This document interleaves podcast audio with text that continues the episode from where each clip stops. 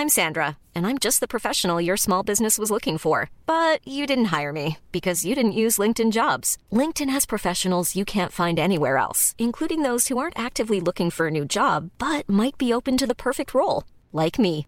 In a given month, over 70% of LinkedIn users don't visit other leading job sites. So if you're not looking on LinkedIn, you'll miss out on great candidates like Sandra. Start hiring professionals like a professional. Post your free job on linkedin.com/people today. Many of us have those stubborn pounds that seem impossible to lose, no matter how good we eat or how hard we work out. My solution is PlushCare.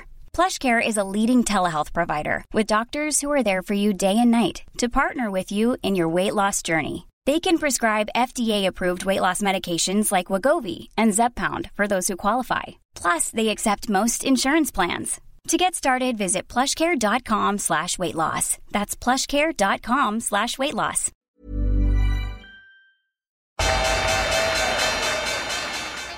They mistook leverage for genius. Leverage for genius. I would recommend Japan.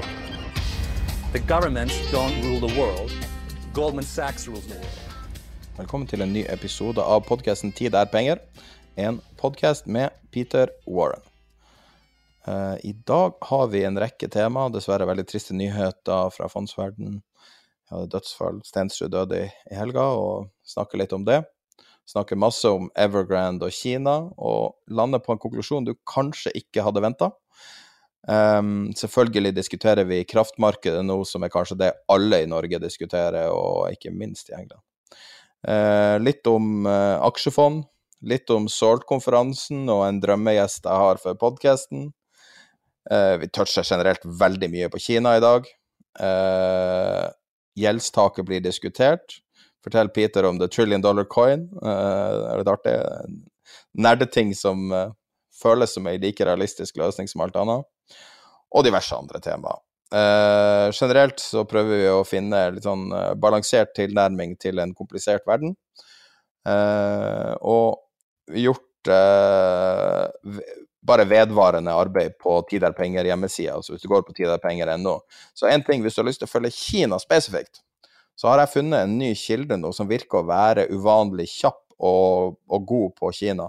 Hvis du går på tiderpenger.no newswire, det finner du også i menyen, så har du da vår direkte nyhetstjeneste satt sammen av Twitter-brukere som er veldig gode på informasjon, på spesifikk informasjon, og den lista blir hele tida justert. Det er folk som deler åpen informasjon. Det er veldig raskt, og det oppdateres automatisk. Hvis du har den oppe hele tida, så vil den eh, være Så nå når folk bryr seg mye om Kina, det er den raskeste kilden jeg har utenom å betale en kvart million i året fra en Blueberg-terminal. Så uh, det er rask, og det fungerer. Ellers så blir vi ha et nyhetsbrev som går ut i dag etter podkasten. Blir være litt større enn vanlig, så eh, du eh, kan abonnere på det der. Vi har også en Patrion, som er en betalingstjeneste. Det gir deg promofrie episoder, men også eh, mulighet til å støtte podkasten. Vi jobber jo fryktelig mye med hver episode. Eh, mer eller mindre en heltidsjobb for meg. Og det bidrar oss til å, å være med og finansiere det her, i tillegg til åpenbart er reklamefinansiert også. Så all bistand der settes pris på, og eh, der kan du også ha direkte kontakt med oss. Eh, og det er eh, Alt blir lagt eh, både i en privat RSS der, og også inne i Patron. Så hvis du også har Patron, anbefaler jeg å bruke appen deres, den er veldig fin. Utover det så jobber vi videre med Finansopedia som er på sida, og vi har da en oversikt over ting som er anbefalt av bøker. Det er ikke helt oppdatert, men der får du også en link hvis du har lyst til å ha ei gratis bok fra Audible. Men da tror jeg vi starter denne episoden, og um, det blir litt mye Kina, men jeg tror kanskje noen av de tingene er um, andre ting enn man har hørt, og litt andre konklusjoner enn man har hørt andre plasser. Ja, da er vi i gang med episoden. Jeg tenkte kanskje at i dag eh, eh, burde vi starte med litt triste nyheter som har stått i både Finansavisen og Dagens Næringsliv om at eh, eh, forvalter Kristoffer Stensrud døde nå eh, 18.9., altså i helga. Eh, som var grunnlegger av Skagenfondene, og kanskje en av de mest respekterte forvalterne noensinne i Norge. Veldig triste nyheter. Ja, absolutt. Um, det var, var sjokkerende nyheter. Jeg, jeg, for, jeg, var ikke klar over det, men uh, han hadde vært syk en, en periode. Jeg visste ikke det. Men uh, jeg, jeg, husker ikke når jeg først traff ham. Altså, han hadde jo arbeidet i utlandet før han kom, en periode før han kom tilbake igjen til Norge og startet opp i uh, og startet Skagen med å finne underpriset, underpriste, eh, underanalyserte selskaper. Og, og, han traff jo egentlig ganske klokkerent på, på, det han gjorde, fordi han, eh, han, han var virkelig eh, global. Han så jo også til de fremvoksende markedene og fant uh, gullklumper i, altså i anførselstegn, i de markedene. Men, men uh, Korea kanskje spesielt? Ja, blant annet, da. Men han, han, var, jo, han var jo over emerging markets uh, generelt. Mm. Så Ja, lenge, lenge før folk snakka om emerging markets, i hvert fall i den Nettopp. Nettopp. Og samtidig, jeg satt jo eh, Jeg var i flere paneldebatter med han og holdt foredrag på konferanse hvor han gjorde, og og de gangene jeg var i, i Stavanger og holdt, holdt foredrag eller, eller møtte investorer, så, så, ville jeg gjerne dra innom, og, dra innom ham, og, og, så ville vi dra ut til lunsj. Så han var, han var på en måte en veldig sjenerøs uh, person som både ga av seg selv og sin, sin kunnskap. Jeg husker uh, jeg spurte han en gang om han, han syntes det var, det var en ulempe å, å sitte i uh, i Stavanger kontra liksom det å sitte i Oslo. Men da sa han nei, det, hadde, det var tvert imot en, en, en, fordel, for da slapp han liksom den der eh, meglersladderet hver dag i Oslo. Det, det bidro ikke positivt på, på, noen som helst måte. Og gjorde at, eh, at, det var fritt for dem å tenke annerledes enn en andre. Så ja, jeg, som sagt, jeg, det var en, det en person som uh, satte stor pris på å, å, å, kjenne, og hans på en måte lune vesen også var, var i seg selv inspirerende. Um, det var veldig trist å, å, lese at han nå er borte. Ja, veldig. Jeg møtte han bare én gang, men uh, synes han, uh, var jo også en litt sånn spesiell karakter som uh, passa ikke så veldig godt inn i en mal. Jeg likte det godt. Nei, men nettopp derfor. Altså Han pionerte nærmest på det der å, å, tenke annerledes innenfor long only-forvaltning i, uh, i, Norge. Ja. En av de få long only-forvalterne det var artig å snakke med. sorry, sorry alle long only-forvaltere. men uh, Nei, det var veldig trist. Han hadde virkelig perspektiv på, på, på ting, det hadde han. Absolutt. Både på selskapene og på, på økonomi, økonomi, generelt. Sånn sett så er det jo litt passende, uh, altså han, siden han var så utenlandsk fokusert, at uh, i dag er hele, hele, verden ser østover. Og um, ja, plutselig gjør vi det. Altså, ja. eller, det, er ikke, det, er jo ikke, riktig at plutselig gjør vi det, men det er, altså, jeg vil jo nesten si plutselig gjør Norge det. Uh, for uh, Evergrande Vi har jo snakket om, om Evergrande en, en, en, god stund nå, og Evergrande har Før du starta, LTCM på chatten satt og begynte å snakke om at Evergrande var elendig fra 14. februar i fjor. Virkelig? 14. LTC, altså det er en som har Han som het Han, han har da selvfølgelig som, som Long Term har, Capital Management. Uh, ja, nettopp. Så hvis du Altså, det viser jo virkelig for en ressurs den chatten er. Ja, vi har jo snakka om det i podkasten siste jeg vet ikke hvor mange episoder, fem, seks, syv episoder, har det jo kommet opp regelmessig i, i samtaler om Kina. Ja. Men det har jo vært som en, måte, en bisetning. Men han var så negativ som folk er i dag for ett og et halvt år siden. Jeg syns det var litt artig. Ja, æres den som æres bør. Det syns jeg i, i, så måte. Jeg er helt enig. Vi kan jo ta, ta sånn kjapt um, uh, hva som skjer nå, hvis du ikke kjenner det. Evergrande er Kinas største boligbygger. Uh, står for alene for uh, roughly 17% tror jeg, av det kinesiske high yield-markedet. Altså det, junk bonds, kortsiktige lån. eller dyre lån. og um, de har vært på konkursens rand nå i ganske lang tid. Obligasjonene deres er priser tilnærmet verdiløst. Eh, folk står, eh, har stått utenfor kontorene og hylt og skrekket og vil ha pengene tilbake. Folk som har kjøpt bolig og da ikke får levert bolig. I tillegg til at de har masse andre business, altså det er mange ting da. De eh, driver og bygger nå, det er jo helt utrolig de tallene, de driver og bygger akkurat nå 1,5 million boliger. Og de fleste av boligene da er betalt eller finansiert, men ikke, ikke levert. Um, og de, altså bare de boligene der alene er 1000 milliarder, altså en billion dollar, eh, norsk begrepet billion. Evergrande har slutta å betale ut lønninger til ansatte. De har ei mye publisert gjeld på 300 milliarder dollar. Eh, noe rente for, for, for, eh, forfall neste uke, ikke, eller denne uka, som de ikke kommer til å betale. På torsdag, ja. Hmm. I 2022 for forfall 7,4 milliarder i obligasjoner. Eh, du har en viss spredning, inn, i hvert fall innad i uh, det segmentet de er i, altså boligbyggere. Så det er venta at de fleste boligbyggere i Kina kommer til å ryke på et eller annet vis ja, gå dårligere med gå konkurs, eh, folk slutter å kjøpe et eller annet sånt. Eh, dårlige utsikter for kinesiske. I dag i Hongkong så falt vel Scenic, som en annen mye mindre boligbygger, falt noe sånn som 80-90% og man har sett et fall over hele linja. Og du ser at obligasjonene trader i hvert fall ja, og, og, for dem, men også for hele segmentet, så er det minimum 60-70 cent på dollaren, og det er jo en pris som da tilsier og, og, og stor sjanse for konkurs. Mm. Um, ellers så har du en, en viss spredning innad i, i, Kina. Vi har ikke fått noen signaler om at kinesiske myndigheter skal gjøre noe, selv om det er venta at noe blir å gjøres. Um, så har du en nedgang på Hang Seng som helhet på jeg tror det er 3 i dag, eller noe sånt. 3,5, men du hadde, du hadde Uh, du har jo en Hang Seng Property Index, den var ned 7. Ja. I, i, samme, I, samme, moment, da, fordi uh, dette, dette, dreier seg jo ikke, og det er, uh, var vel du litt inne på, det dreier seg jo ikke kun om, om eiendom, men alt det som er tilsluttet, da.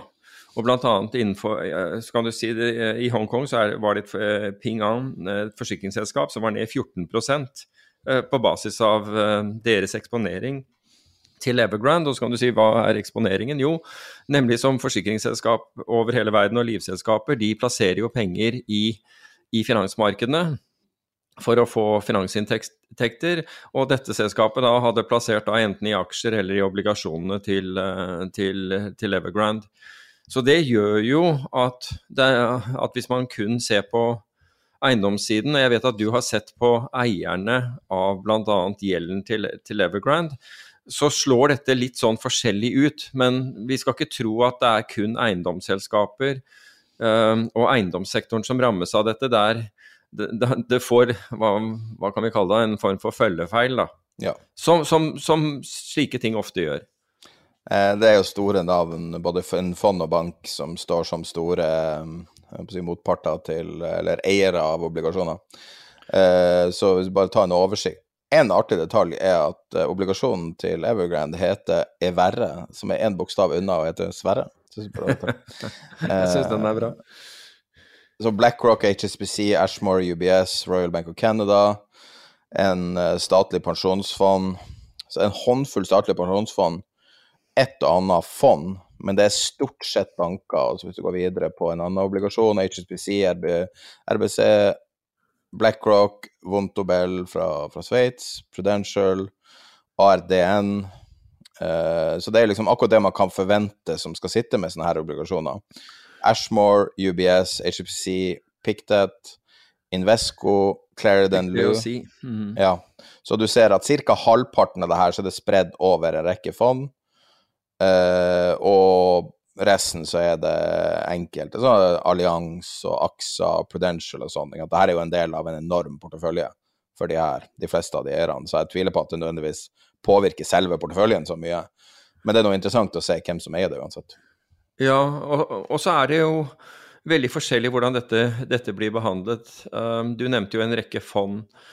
Og fondene, uh, per definisjon, altså her er det jo ikke som om uh, gjelden har falt fra kurs 100 til nå godt under 30 uh, over natt. Dette har jo skjedd over en, en, Ja ja, det har, det har vært et brutalt fall, men, men, det har ikke skjedd plutselig. Og det betyr at alle fondene har tatt eh, dette i betraktning i sin mark to market. Så alt som er på en måte transparent, og det er jo de fleste, de, fleste uh, fond, uh, i og med at de må oppgi verdiene sine og, og, de må prise seg enten mark to market, altså, eller det må de, men men enten daglig, ukentlig eller, eller månedlig, så, så, så, fremkommer dette. Så for fondene så er jo ikke dette en, et sjokk at vi, at vi, er her, fordi de har sett kursene falle, og de har hatt muligheten, eventuelt på dårlige kurser riktignok, til, til å komme seg ut. Men der hvor det vi ikke ser, det er jo sånn typisk f.eks. dette, dette Anping, dette, eller Pingan, unnskyld, dette forsikringsselskapet som vi ikke visste hadde eh, eksponering til, eller og som da ikke gjør mark to market på samme måte, fordi de har ikke samme krav til, til synlighet av, av, sine investeringer. Men for liksom fondsindustrien Ja, fondsindustrien klart taper penger på sin investering i Evergrande, i hvert fall hvis det blir her nede, og, og spesielt hvis dette går til en default, som mye tyder på på, på torsdag. Men det de på en måte er innafor, altså på den måten at det er allerede tatt hensyn til i i prisingen av disse fondene. Ja, og det er jo en stor aktør her som eh, vi ikke helt vet hva, hva, kommer til å gjøre. Det er jo eh, på en måte vært, så vidt jeg kan se, helt stille. Altså Kina har gjort noen stimulerende eh, trekk den siste uka, men eh, så vidt jeg kan se, ingenting direkte mot Evergrande. og det har vært mye analyser som er kommet ut. Det, kan jo, det kanskje er greit å ta en gjennomgang av de forskjellige, hva de store, de store smarte, sier um, investeringsbankene. Uh, så bare bla ned til uh, Skal vi se har jeg har dem her.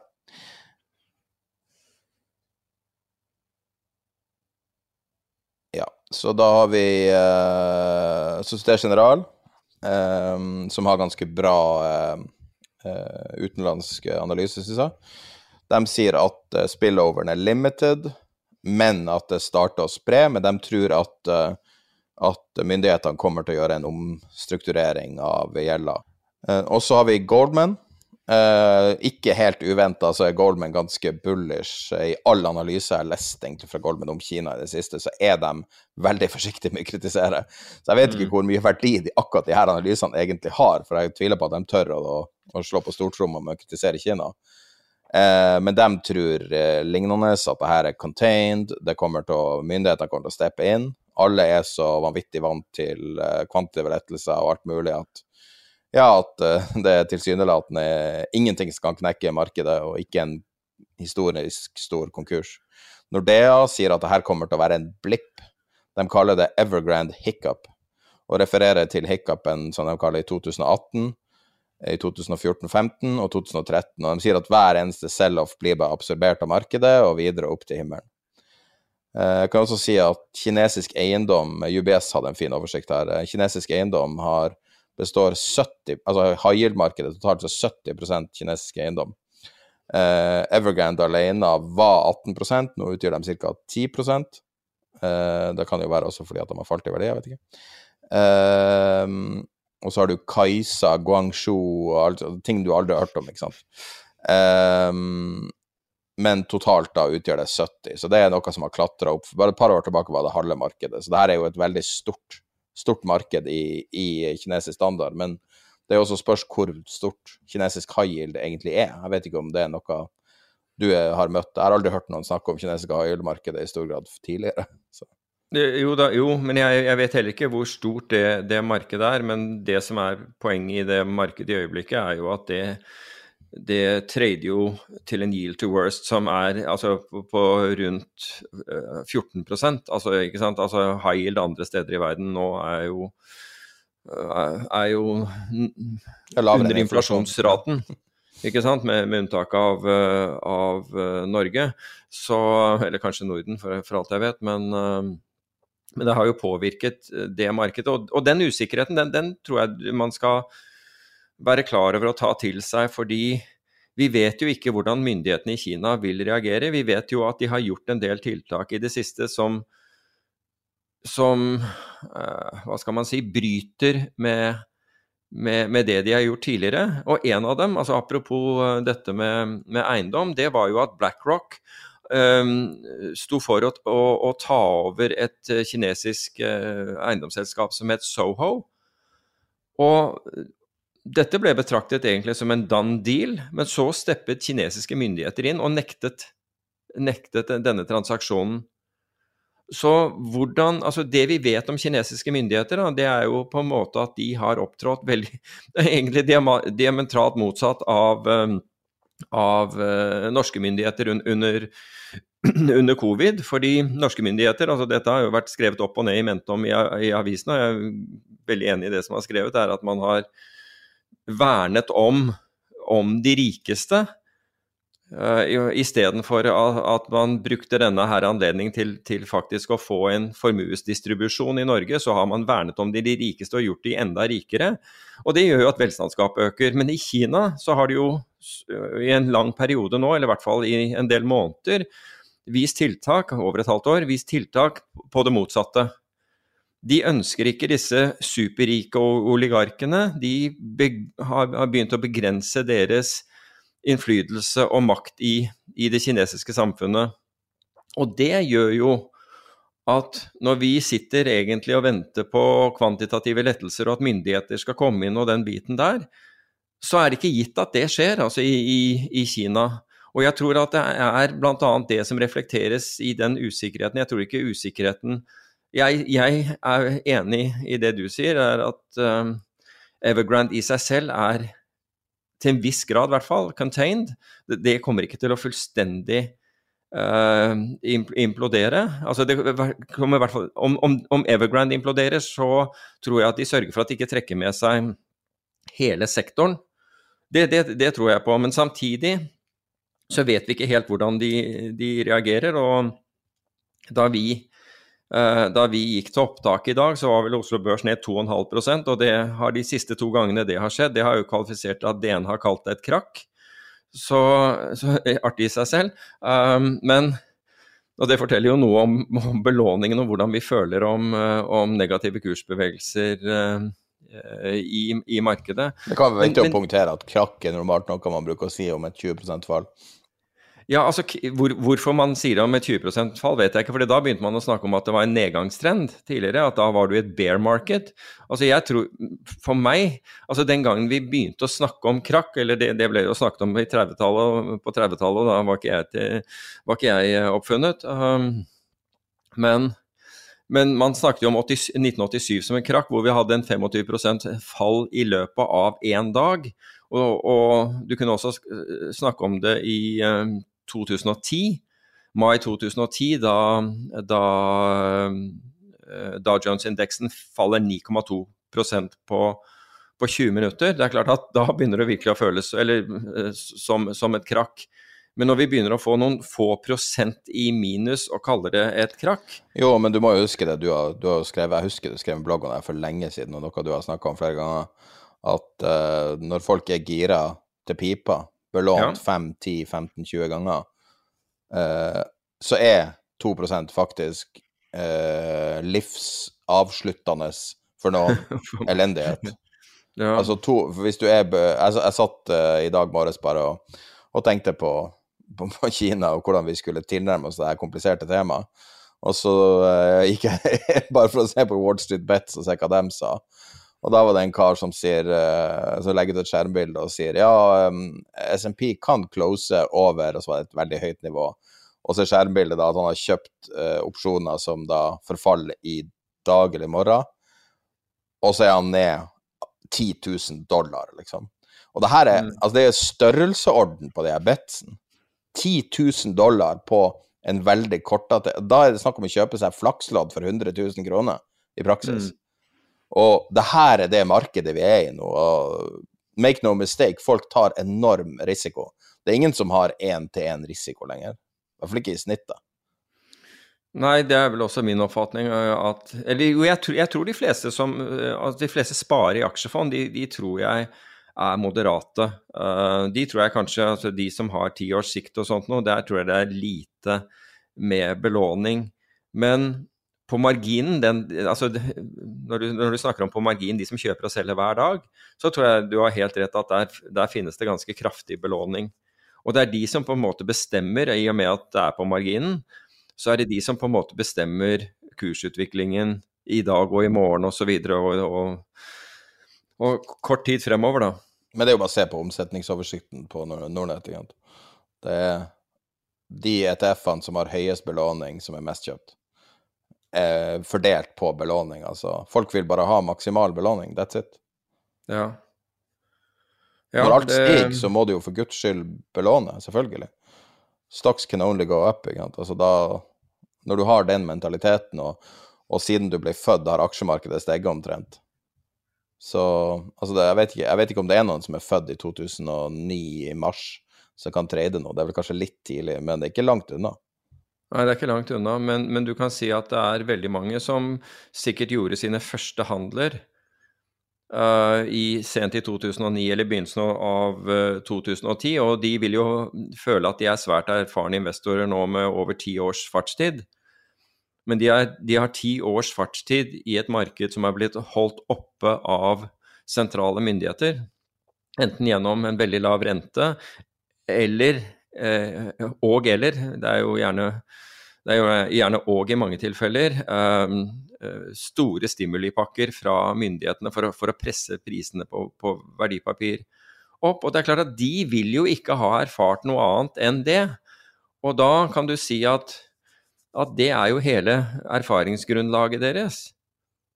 Så at de eh, stiller seg i opposisjon til tanken på at du kan få en lang, eh, langsiktig nedgang. Hvis jeg kan bare ta en digresjon samt, mens vi, vi, snakker om dette, så Harald Magnus Andreassen hadde et um, hadde, jeg tror det var en kronikk eller innlegg i Dagens Næringsliv på Jeg mener at det var på lørdag, kunne ha vært på, på, på, på fredag. Hvor han, øh, hvor han egentlig påpeker hvor mye børsen er, altså Oslo Børs er overpriset i forhold til inntjening. Altså historisk inntjening, altså hvordan vi har priset markedet i forhold til inntjening, og i forhold til pris i forhold til altså kursen og verdien på selskapene i forhold til de bokførte verdiene. Og jeg oppfattet ikke at dette var et sånn veldig bearish scenario, selv om selv om eh, overskriften, som da neppe er satt av han, er, overskriften gikk på at man kunne få negativ avkastning i ti år. Men jeg syns at det var ganske nøkternt og analytisk det han sa, og egentlig ikke tendensiøst på noen måte. Han bare ga, oppga tallene. Og jeg, eh, jeg retweetet det, for jeg syns det var en god uh, Altså, jeg syns folk skal være klar over hvor vi er i terrenget uh, til enhver tid. Det er, det er, nyttig. I hvert fall når det er store avvik fra, fra det vi kaller trend. Men da får du liksom kommentarer som, uh, som uh, akademisk veldig godt forankret, tydeligvis, for da vedkommende sier tull. Det var en, liksom en, en, en, skikkelig analytisk eh, vurdering av, av, av, det Harald Magnus hadde sagt. Men folk er liksom i fornektelse, og, og, og, og du får frem emosjoner som sinne hos folk av rett og slett å presentere fakta. Men du vet jo, altså jeg har nå sittet og sett sjøl på klikkdata. Eh, ingen leser saker. Så folk leser overskrifter, de leser eh, bildeteksten og kanskje ingressen. Ok. Ja, det er mulig at det, det er overskrifter. Er vi, er vi der nå? Det alltid, ja, okay. Nei, men det har, det har, mer eller mindre alltid vært sånn, men eh, det, er, det er ikke så rart at vi ikke plukker opp kunnskap. Nei, men du plukker opp overskrifter. Ja, nettopp.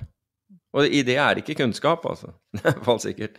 Men, eh, men, greit nok. Men eh, i hvert fall så Nei, men det er jo altså å prøve å diskutere noe på et anonymt Det er jo en grunn til at vi har på en måte en egen chat uh, på Tid er penger, i stedet for å bruke Twitter eller uh, et annet på en måte åpent, en åpen chat, for da har du jo øyeblikkelig mye mer innhold, også siden mm. folk bruker det jo allerede. Mens med en Discord som vi bruker, så har du jo en moderatormulighet og og jeg, sånn som jeg ser det, så et sånn åpen chat, så blir det så mye støy at du bare misser alt som er relevant. Um, Men hvis du, jeg tenker jo, hvis du ikke tåler å høre noen som har motsatt oppfatning Og, det, og greiene var at jeg oppfattet ikke at Harald Magnus hadde noe sterk oppfatning. altså Det var ikke sånn han ba alle løpe og gjemme seg eller et eller annet sånt. Han gikk gjennom dette her og, og sa litt om hvordan, og han han forholdt seg til dette, og det har jo Altså hvordan du som uh, uh, som, uh, som, som, subjektiv person forholder deg til, det har jo mange, med mange ting å gjøre, bl.a. din livssituasjon, alder osv. osv. Og, og det er jo greit nok at man sier Man sier ikke at andre skal, skal følge det, men det at det får frem at vi på en måte går helt i fornektelse det syns jeg er, et, det er et urovekkende tegn i Og, og jeg, jeg syns jo sånne ting, altså den derre mangel på øh, Mangel på kunnskap, mangel på vilje til å gå inn i noe, øh, er, er, er litt sånn Litt grann sånn det vi har snakket om tidligere med, med, med, med sprekk i demning. At vi ikke tåler å høre andres synspunkt. På f.eks. markedet. At det skal få opp emosjonene våre, da Jeg vet ikke, men uh, Tåler du å er... høre folk argumentere mot vaksine? Tåler jeg høre de uh, Ja, jeg tåler å høre, høre at de uh, Ja. Men, men jeg, jeg, må innrømme også at jeg, jeg ofte, ofte, kontrer det med, med hvor de sier at du vet ikke hva som er inni den, og jeg ofte kontrer det med spiser du, spi, spis, spiser du kjøtt, og så sier vedkommende ja. Spiser du pølser? Ja, spiser pølser også. Ja, du vet i hvert fall ikke hva som er i de. Altså, det plager jeg ikke. Ja, det plager jeg ikke, det spiser du. Hva sier du? Ja, eller en cola, eller hva som helst. Men, men ja, det, her, det, her, minner meg litt om uh, i helga nå, så har jeg For at jeg skrev et blogginnlegg om uh, Evergrande uh, i forrige uke. og jeg sa jo til deg at vi burde nesten lage en spesial om Evergrande, fordi at det, det vi hadde snakka mye, eller noe om, da, som, som hadde vært lite omtalt i, i norsk media, og egentlig, egentlig media generelt, med tanke på hvor stort det er, um, at det kanskje var på tide. Og så, og så skrev jeg heller et blogginnlegg, og det var relativt alarmerende. Og, og, og, så har jeg fått tid til å tenke på det, da. Og hva, hva er Evergrande? Hva setter noe perspektiv og sånn. Og det som slo meg, var at folk faller i liksom sånn helt krystallklare uh, vertikaler.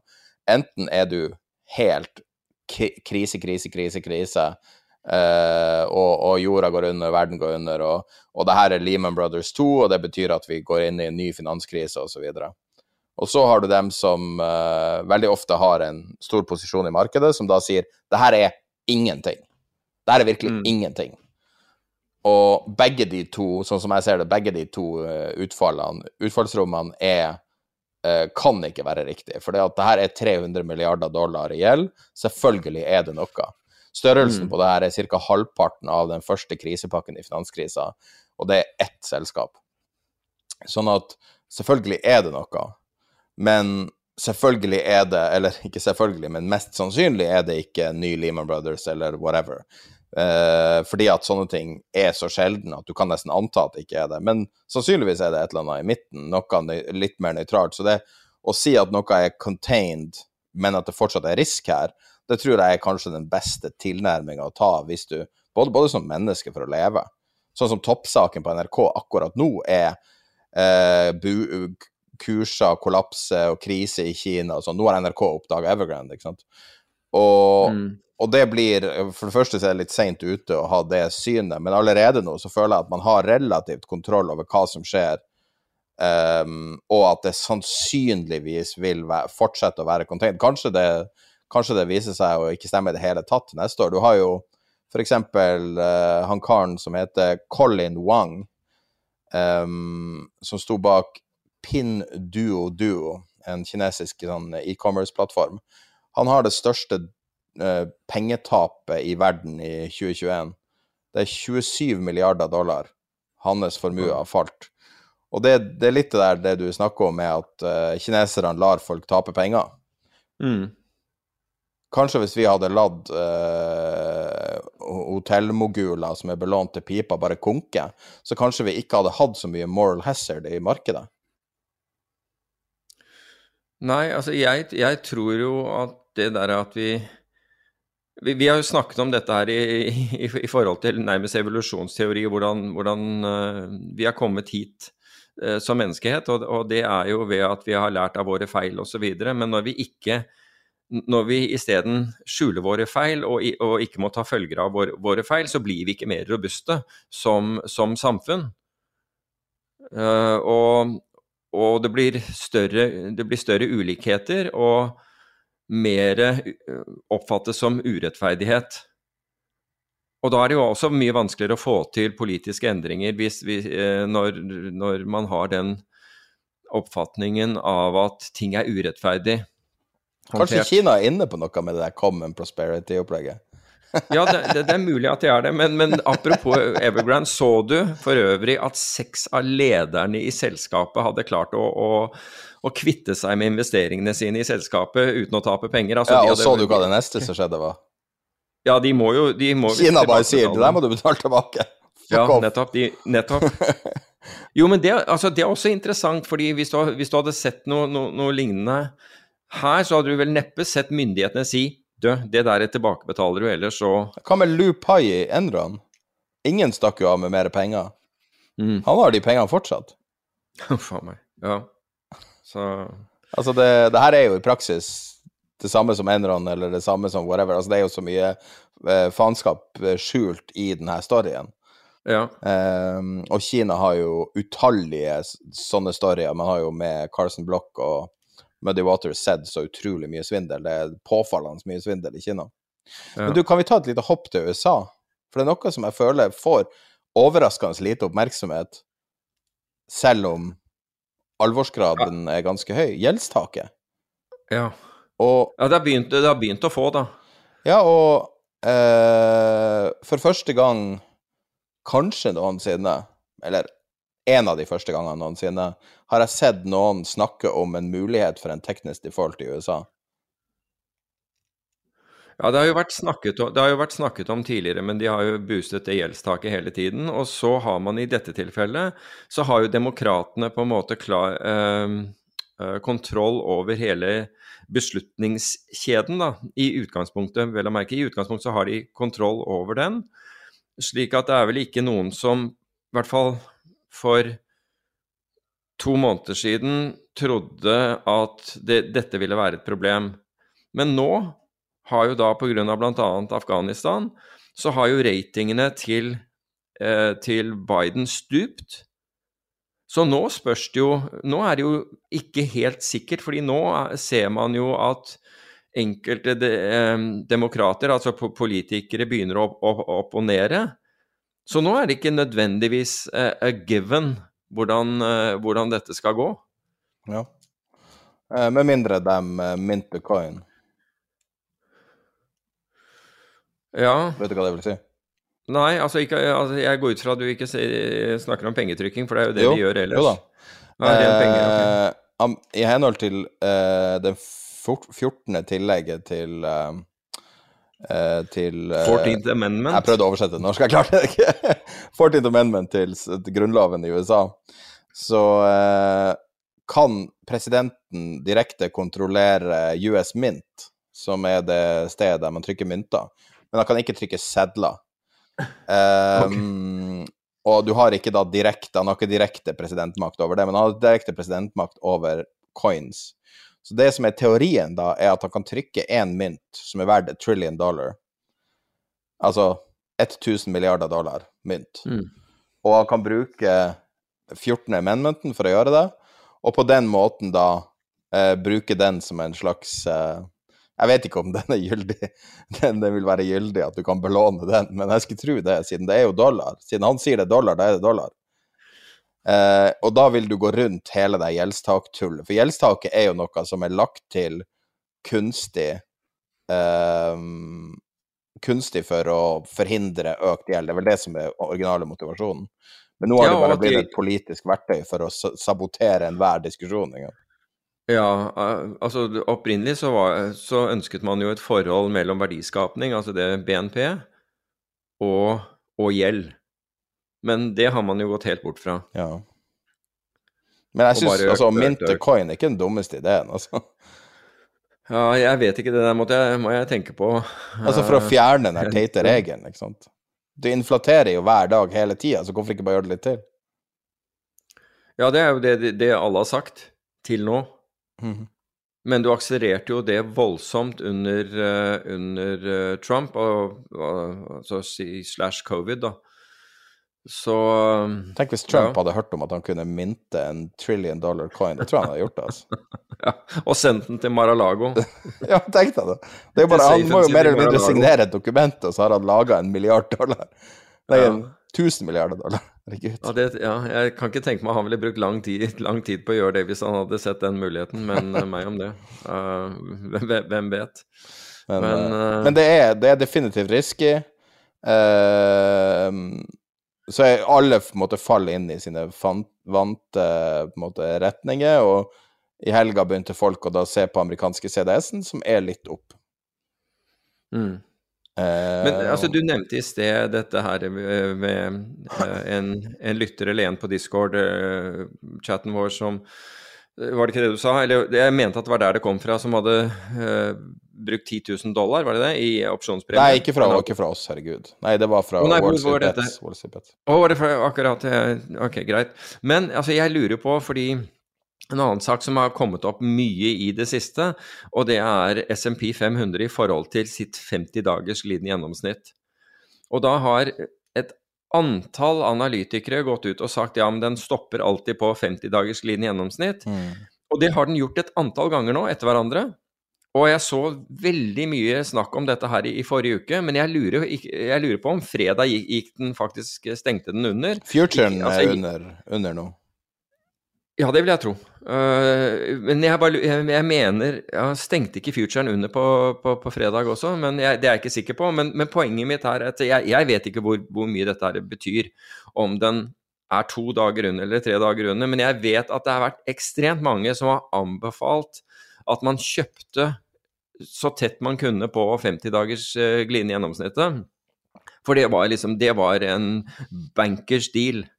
Og jeg tenker at hvis noen kaster du 10 000 dollar på en out of the money-opsjon for å eh, Så er det jo typisk sånne ting som hvor du tror at ja, ja, det, myndighetene lar den ikke falle igjennom den, osv., og, så og, og så tar man en sjanse.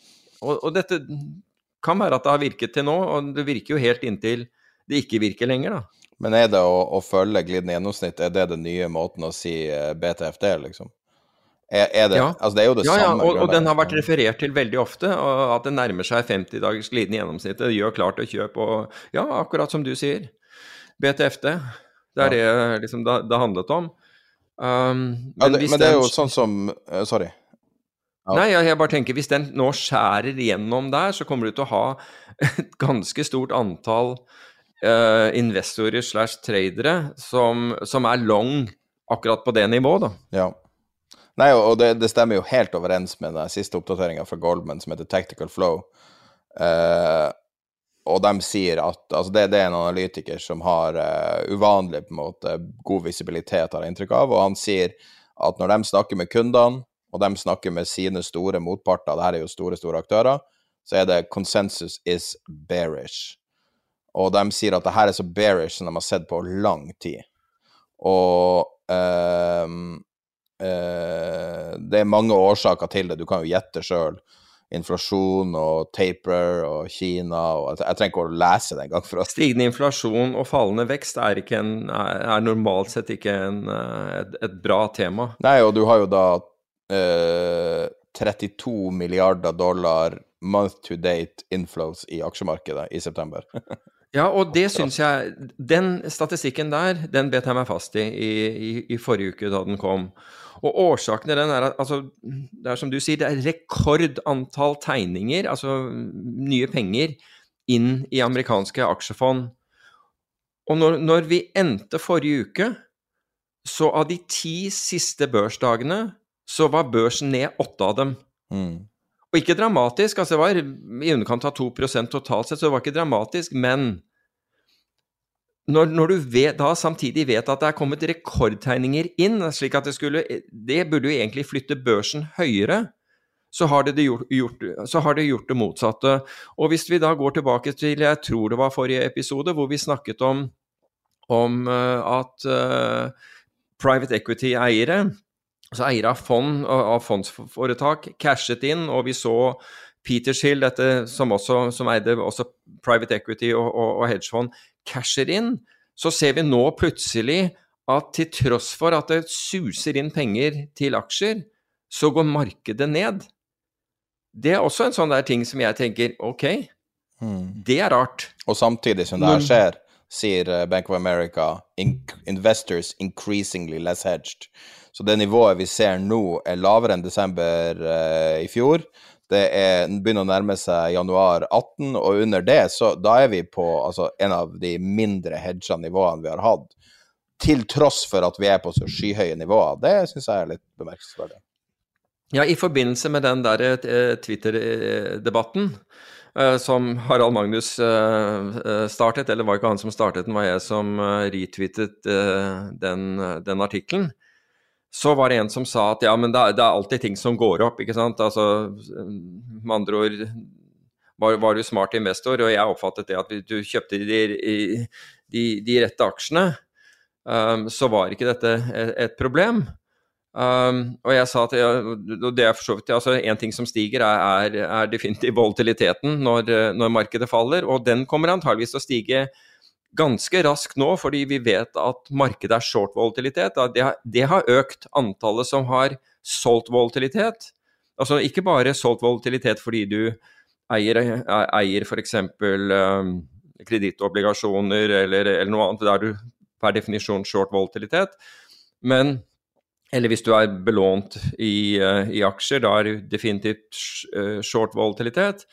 Men også for de som har da solgt opsjoner, altså utsteder opsjoner for å få inn enda mer premie, for å prøve å slå andre, uh, andre i konkurransen. Da. Det fins jo mange fond som, som utsteder uh, opsjoner på, på, på, på, aksjene de eier.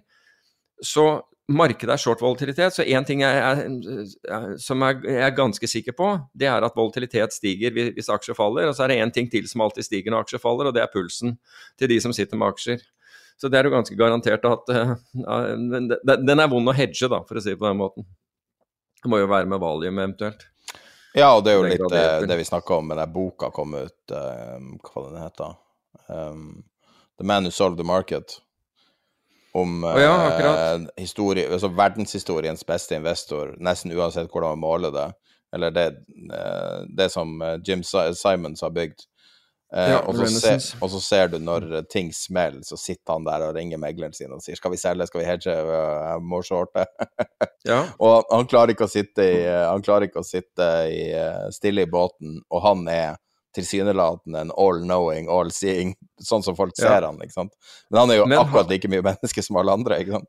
Nettopp, ikke sant. Han er akkurat like skjør som, uh, som uh, andre er. Ikke sant? Altså, psyken uh, er Altså, menneskelig psyken er ikke veldig robust. Selvfølgelig noen er mer robust enn andre, men, men alt i alt så blir vi påvirket av det som har skjedd før den dagen, hva vi har spist den dagen, hvor godt vi har sovet om natten for, før osv. Og, og selvfølgelig de tingene vi tenker på. Slik at vi er ikke veldig robuste, altså. Det, det må vi bare ta til oss. Som mennesker er vi ikke veldig robuste. Gode nyheter, da. Litt sånn digresjon. I helga nå så er det verdenshistoriens største pokerpott.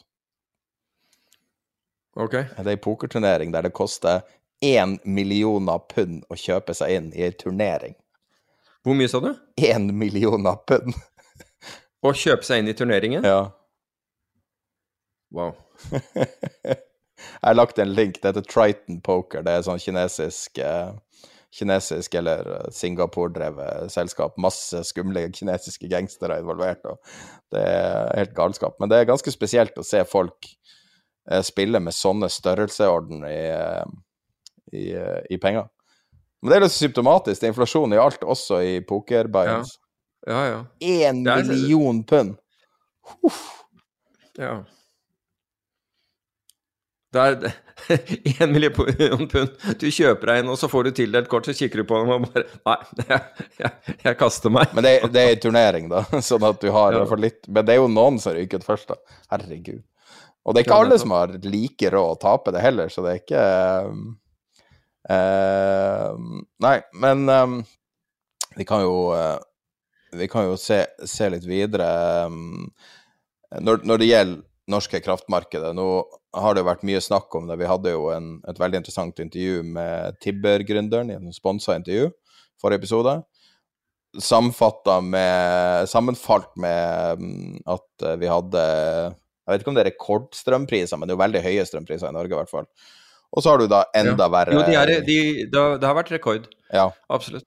Og det er enda verre i Storbritannia. Så der jeg er nå, eh, sammenligna med Storbritannia, så er det hva det blir. Noe sånn som en sjettedel eller en sjuendedel av strømprisen. Så på samme, samme, valuta og samme størrelsesorden, så her er det 49, og der er det 2,37. Så mm. eh, det er skyhøye priser i Storbritannia. Jeg vet ikke om det er forverra av brexit, eller hva det er. Jeg aner ikke, men, men altså, i Storbritannia har det jo alltid vært sånn at du slår av lyset i et rom du går ut av. Um, og det kunne vi sikkert ha lært mye av her, fordi jeg har ikke inntrykk av at man har følt det på samme måte uh, her, her, til lands. Men da jeg bodde der, så det, Altså, det gjorde du. Alltid. Ja. Så Men hva du, men hva du syns det, om det som skjer nå? Er det noen forståelse? Du har jo selvfølgelig kombinasjonen med naturgassprisene som har steget, og så har du eh, kul, Ingen har på en måte fått med seg at kullkraft uh, i Kina har hatt problemer hele året fra faktisk 5. januar, dagen før storminga av Kongressen, så begynte de å slå av gatelys og lys i Kina. For de hadde ikke nok strøm, for de hadde ikke nok kull. Og så har du alle mulige alternative energikilder stige i pris. For Norges del så har det jo, eh, har det jo vært mangel på, på nedbør, da. Um, altså rett og slett lite vann. Og det er Kina også, forresten. Ja, så det har vært en stor ubalanse, altså lite vann. Og i tillegg så er markedet eh, når, når, det svinger så mye, så er det ganske illikvid. Lite vann, illikvid, get it. Uh, det var litt uh, hva heter det, unintended uh, pun. Men, men jeg har sett på altså Sånn som desemberkontrakten av, av strøm er opp 178% i år. Så dette kommer vi, kommer vi, til å merke. Det er ingen tvil om. Altså, på, på, altså Husholdningsbudsjettene kommer til å merke den, den, strømprisen. Nå har det vært litt bedre eh, eh, nå over helgen, fordi det kom et nytt varsel den 16.9 som, var, hvor, som indikerer at over de neste 15 eh, dagene så skulle det være over normal eh, nedbør, altså slik at man ble tilført 5 terawatt-timer over normal. Og det, det har hjulpet. Så på, på, fredag så falt jo prisene ganske kraftig. Men når du ser på uh, vi, vi, har for øvrig kraftforvaltere blant lytterne, og, er, og, og, særlig én har vært veldig behjelpelig med å med å gi data og henvisninger, slik at vi kunne, eh, kunne analysere eller se på, det, på, dette markedet selv. Men det som er, er veldig påtagelig, det er hvor, hvor, kraftig backwardation den kurven er. Altså så strøm for uh, levering i, um, i 2023 er under halve prisen til, den, til, strøm for levering i øyeblikket. Eller ikke spotten, men, men, men desember. Så, men alt dette her har jo med at vi eksporterer strøm. ikke sant? Her, nå har vi opprettet kabler for å eksportere strøm, og det kommer en ny kabel nå den, den, til, til, Storbritannia. Jeg vet ikke om den er åpnet, men du har, har da til Europa. Og gud hjelpe deg hvis du hadde gjort den Einar Aas-traden uh, i, i, dette markedet. Det hadde, det hadde, gjort ordentlig vondt. Så, for, for den spredden har virkelig gått ut. Så for det første, altså du, du du kan kjøpe strøm mye lenger. Altså hvis du, hvis du, vil sikre deg strøm, hvis du tror på vedvarende høye strømpriser, så kan du sikre deg strøm for, for 2022 og 2020, 2023 og enda lenger til vesentlig lavere priser enn, enn det vi har i dag. Men samtidig så må vi huske på at det som nå skjer da med, med de høye strømprisene, er at det kutter da etterspørselen etter en hel del andre råvarer som er avhengig av, av strøm, eller produkter som er avhengig av strøm sin, for, for, å bli produsert. Så vi, vi, etter hvert så vil vi begynne å se ganske kraftig og, kraftige svingninger. Aluminium er bl.a. en eh, som er avhengig av strøm. Um, jeg så, det var, var, Hvilket selskap var det? Var det Yara som, som, hadde kuttet en del av sin produksjon, rett og slett fordi strømprisene var, var, var blitt så høy?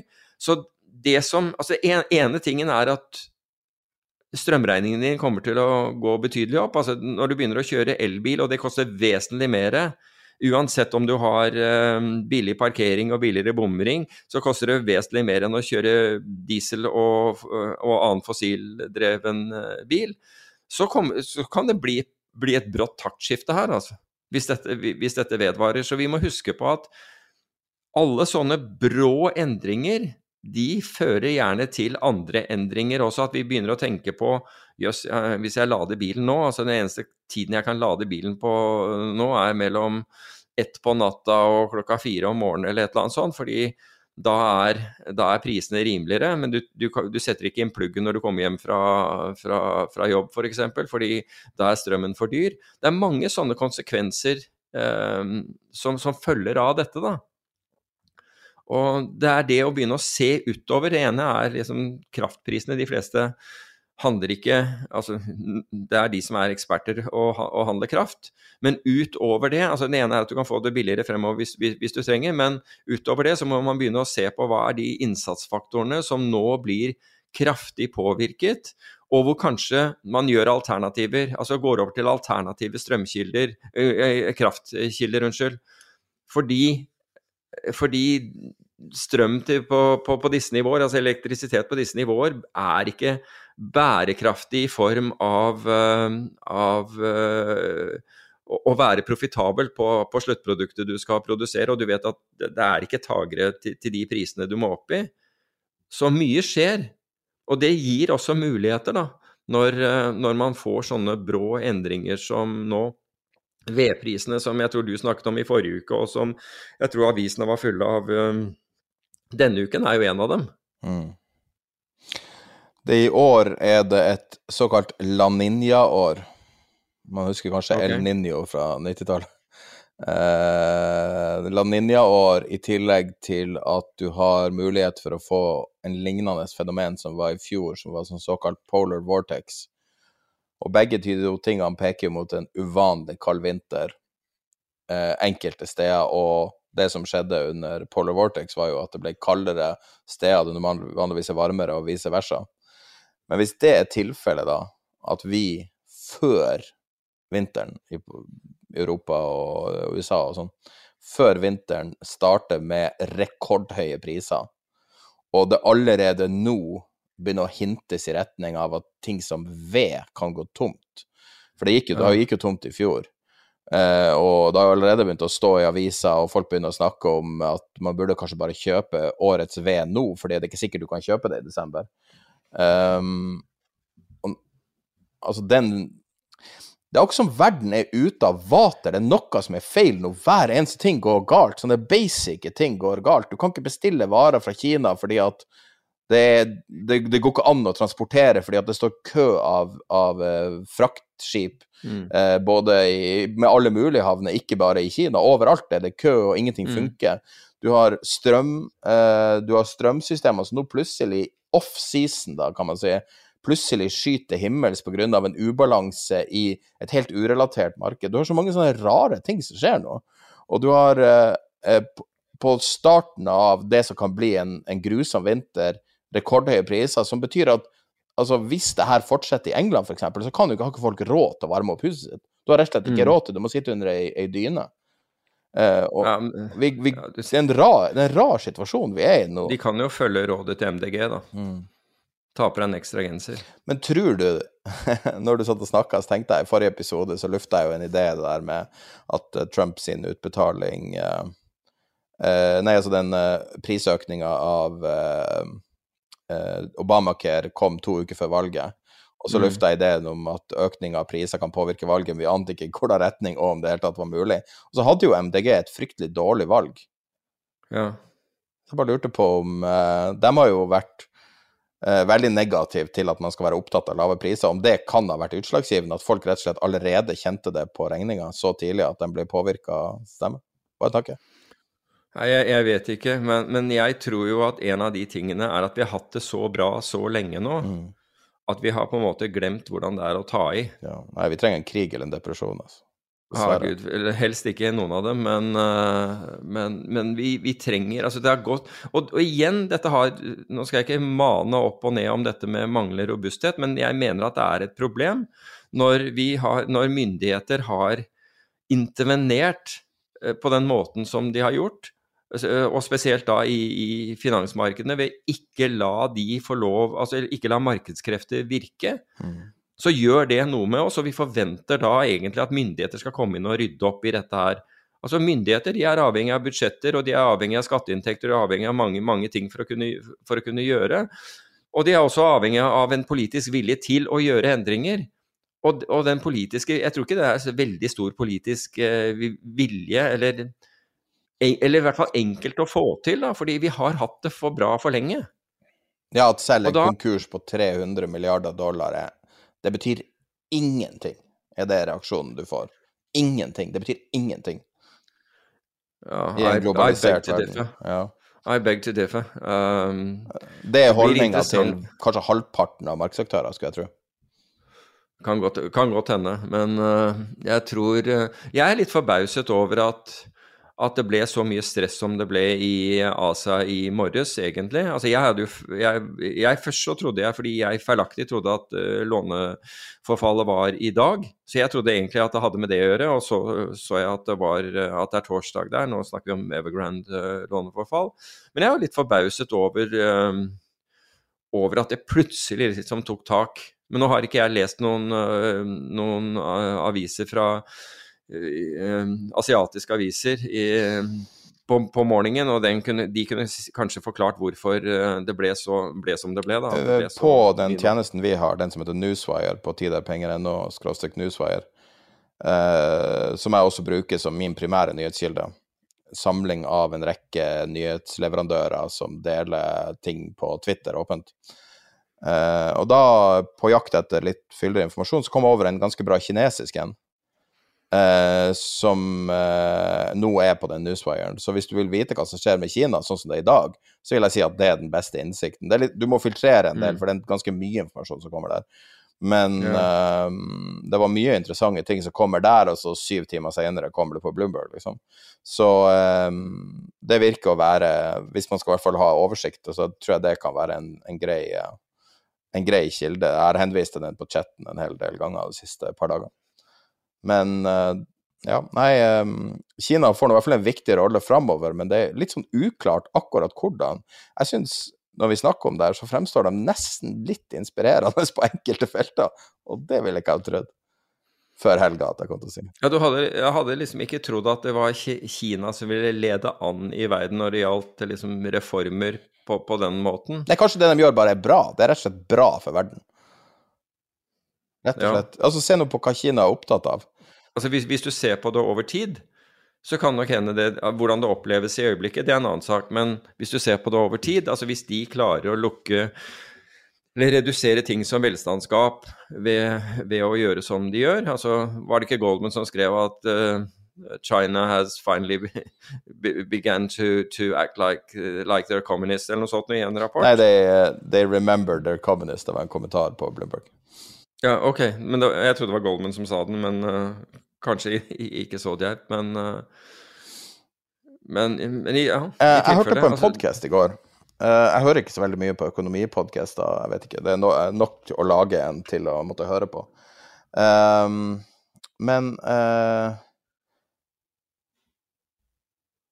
Uh, skal vi se Nei, da, jeg, jeg, hørte på en podkast som jeg vet mange lyttere hører på, som er veldig fin, um, som heter Macrovoices.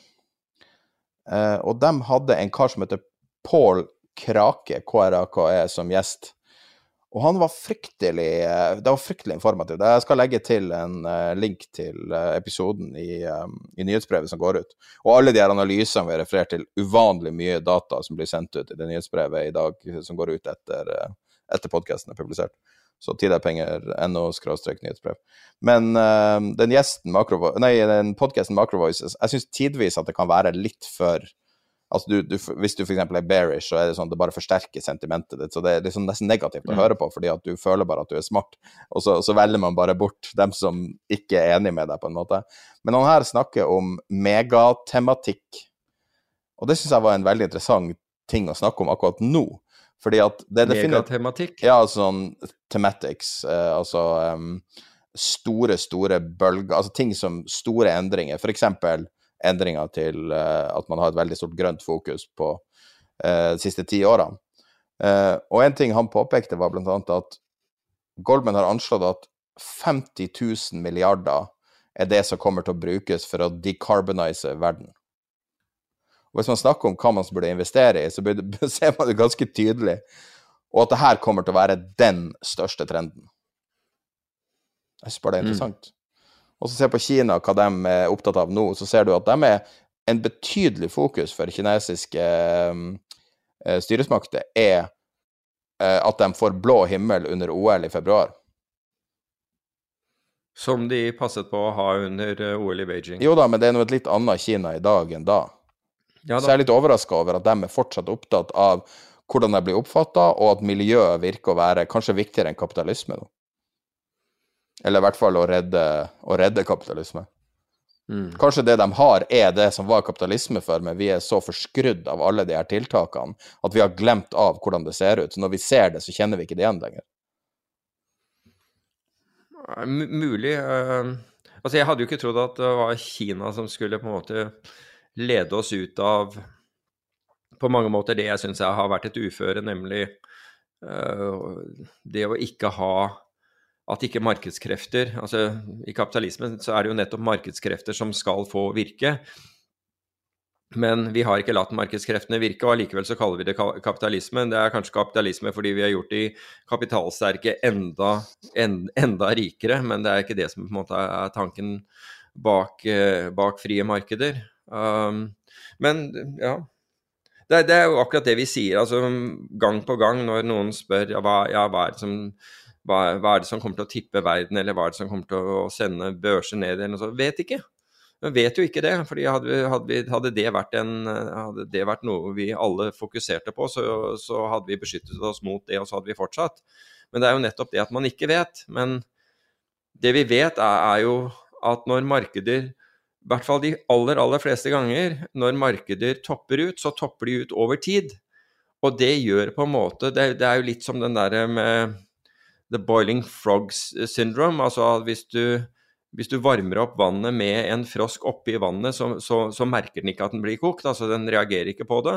Og Det er jo litt sånn markeder er når, når, de topper ut, fordi det tar tid. og Derfor så, så blir vi sittende mens, mens varme bygger seg opp rundt oss. fordi det er ikke så store forandringer fra dagen i forveien osv. Og, så og nei, dette her er helt fint, og, og, ingen, og, dermed så blir du sittende der, da. Det er jo litt sånn, sånn de virker. De bunner ut, bunner ut, mye raskere enn de, eh, enn de topper ut, ja, definitivt. som regel. Ja, og. Eh, finanskrisa, jeg husker jo datoen fortsatt, det er jo så utrolig lett. Og 9. 9. mars 2009. Ja. Eh, og, og, hvis du går tilbake og så leser du FA og DN-forside da, så var det ikke mye optimisme å spore da. Det, Nei, ikke, det er ikke altså, da du skal kjøpe millioner. Veldig kjent, veldig kjent og, og, veldig anerkjent finansmann sa at børsen skulle halvere seg fra det nivået også. Ja da. Så, en, veld, en veldig anerkjent en. ja, jo, jo, men, men, det er poenget mitt. ikke sant? Ja. Da er stemningen sånn at men, alle tror at dette Men DNB Markets fortalte meg at uh, de har aldri hatt så mye nye kunder. Uh, nå vet jeg ikke hvor opptatt de er av retail trading lenger, men da var de opptatt av det. Uh, eh, DNB Markets hadde um, rekord på nye kunder i desember i 2008. Sånn at Virkelig, ja. det tilsier jo at retail-tradere forstår når noe er blitt genuint billigere. Ja, det, ja, muligens, men det, det, var jo i sin tid altså, Husker du da vi hadde aksjesparing med skattefradrag? Da, da, stormet jo folk inn i markedet helt på slutten av uh, desember for at de skulle få uh, den effekten. Var det sånn 92 uh, eller noe sånt? Ja, men altså, det er jo litt grann, jeg, Man ser jo gjerne litt grann uh, uptake, uptick i, i volumer mot, mot, slutten av året, rett og slett pga. Nå vet jeg at det, det, ikke gjelder fortsatt, men, men allikevel folk som skal gjøre tilpasninger osv. Og, så videre, og så husker, tenker man OK. Jeg husker det begynte å være Hva? kø på sånn Postbanken eller noe sånt. Ja, det var, var voldsomt. I Tromsø var det stort, stort trøkk. jeg vet ikke. Jeg har alltid følt at det, der, det er liksom det er sånn å levere selvangivelsen ett minutt før tida. I gamle dager, da. Nå er det vel ikke helt det samme køen der. Folk eh, liker å utsette ting.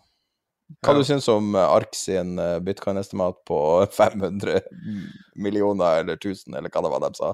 Nei, det var, fem, det, ja, det var 500 000. Okay, Og det, det, det, var jo på Salt-konferansen, ikke sant, til han Anthony Scaramucci. Um, Vet du hvem jeg tok kontakt med i forrige uke? Han? Sekretæren til Anthony Scaramucci. Jeg visste ikke at, okay. jeg, visste, jeg, visste, jeg, hadde ikke fått med meg om Salt-konferansen i det hele tatt. Fordi jeg tenkte at jo, jo. han er en av de 15 stykkene jeg har på ei liste som jeg gjerne ville hatt som gjest i podkasten. Jeg vil gjerne høre hans Men han, han, drev jo Ja, virkelig? Ja. jeg, okay. jeg, skulle invitere men, men han, han, drev jo han drev jo solgt før han, han, gikk inn i regjeringen i Hvor mange dager var han var i regjeringen? Seks dager, var det ikke? Nei. Ja, var et eller annet sånt. Han var en førsteomrøyk. Men, røyk. men han drev jo den Salt-konferansen uh, før det, og han drev jo også Skybridge Capital før det. Nå tror Jeg jeg vet ikke om han har kjøpt tilbake Skybridge, eller hvordan det er, men han driver i hvert fall Salt. Men det, altså, det, var to, det var to Altså Dalio, altså Ray Dalio i Bridgewater, som er verdens uh, definitivt største hedgefond. Han har jo gått over 100 milliarder til forvaltning.